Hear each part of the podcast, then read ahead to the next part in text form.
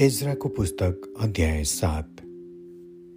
एरुसलेममा आएका एजरा र तिनको दल यी घटनापछि फारसका राजा अर्थशास्त्रको राजत्वकालमा एजरा बेबिलोनबाट उक्लेर आए।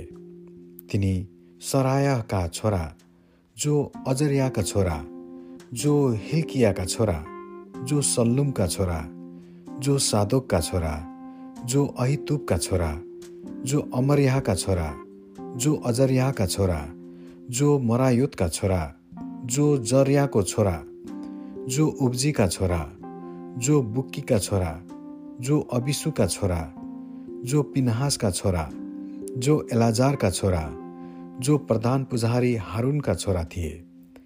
परमप्रभु इजरायलका परमेश्वरले मुसाद्वारा दिनुभएको व्यवस्थामा एजरा चाहिँ एक निपुण अध्यापक थिए। तिनले मागेका सबै कुरा राजाले मन्जुर गरिदिए किनभने परमप्रभु तिनका परमेश्वरको हात तिनीमाथि थियो। अर्थशास्त्र राजाको सातौँ वर्षमा केही इजरायलीहरू केही पुजारीहरू र केही लेवीहरू गवैयाहरू र द्वारपालहरू र मन्दिरका सेवकहरू तिनको साथमा एरुसलेममा आए। तिनै राजाको सातौँ वर्षको पाँचौँ महिनामा एजरा एरुसलेममा पुगे। पहिलो महिनाको पहिलो दिनमा तिनले बेबिलोनबाट यात्रा सुरु गरेका थिए र पाँचौँ महिनाको पहिलो दिनमा तिनी एरुसलेममा आइपुगे किनभने परमप्रभुको कृपालु हात तिनीमाथि थियो किनकि एजराले परमप्रभुको व्यवस्था अध्ययन गर्न र पालन गर्न र इजरायलमा धर्मविधि र धार्मिक शिक्षा सिकाउन आफैलाई समर्पण गरेका थिए। एजरालाई अर्थशास्त्रको पत्र। इजरायललाई दिनुभएका परमप्रभुका आज्ञा र धर्मविधिको विषय र धार्मिक प्रश्नमा निपुण पुजारी शास्त्री एजरालाई अर्थशास्त्र राजाले दिएको राजकीय पत्रको नक्कल यही हो। राजाहरूका महाराजा अर्थशास्त्रबाट स्वर्गका परमेश्वरको व्यवस्थामा निपुण पुजारी शास्त्री एजरालाई अभिवादन। म यो उर्दी दिँदैछु कि मेरो देशमा भएका कुनै इजरायलीहरू पुजारीहरू र लेबीहरू समेत जो राजी खुसीसित एरुसलेममा जान चाहन्छन् तिनीहरू तिमीसँग जान सक्छन्।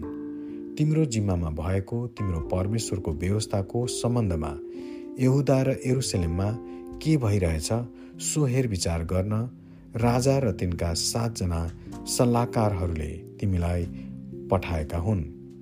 राजा र तिनका सल्लाहकारहरूले एरुसलेममा वासस्थान गर्नुहुने इजरायलका परमेश्वरलाई सित्तैमा दिएका सुन र चाँदी पनि तिमीले लानु। साथै बेबिलोनको प्रदेशभरि तिमीले लैजान सक्ने जति सुन र चाँदी र साथै एरुसलेममा तिमीहरूका परमेश्वरका भवनको निम्ति मानिसहरू र पुजारीहरूले राजी खुसीसित जो भेटीहरू दिन्छन् ती पनि तिमीहरूले लैजान सक्छौ। यस रकमबाट साँडेहरू भेडाहरू थुमाहरू र तिनका साथ अन्न बलि र अर्धबलिका सामानहरू तिमीले निश्चय किन्नु र तिनलाई एरुसलेममा तिम्रा परमेश्वरका मन्दिरको वेदीमा बलि चढाउनु। त्यसबाहेक कुनै सुन वा चाँदी उब्रियो भने तिम्रा परमेश्वरको इच्छा बमोजिम तिमी र तिम्रा दाजुभाइहरूले जस्तो ठिक लाग्छ त्यसरी नै त्यो चलाउन सक्छौ।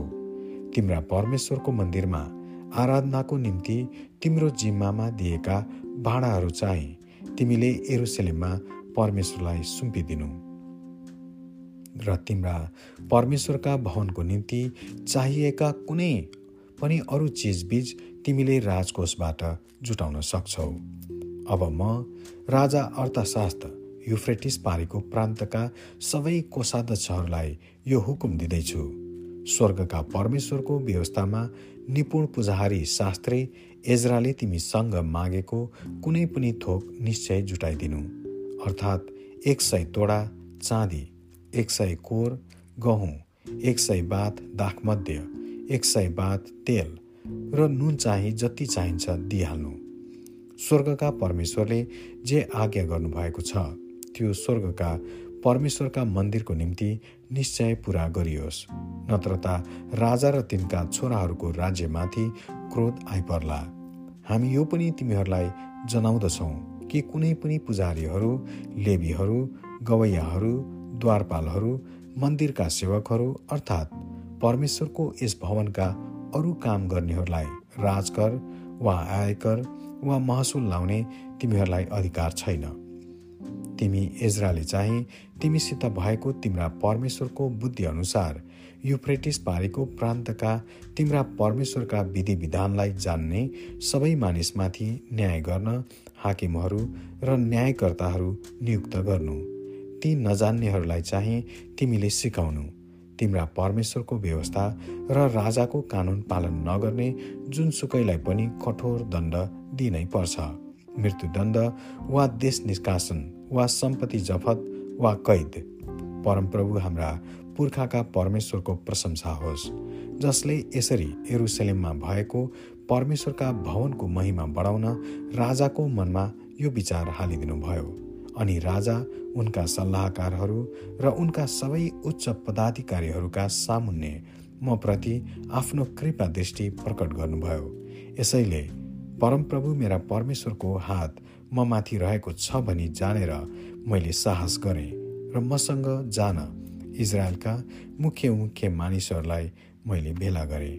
आमेन।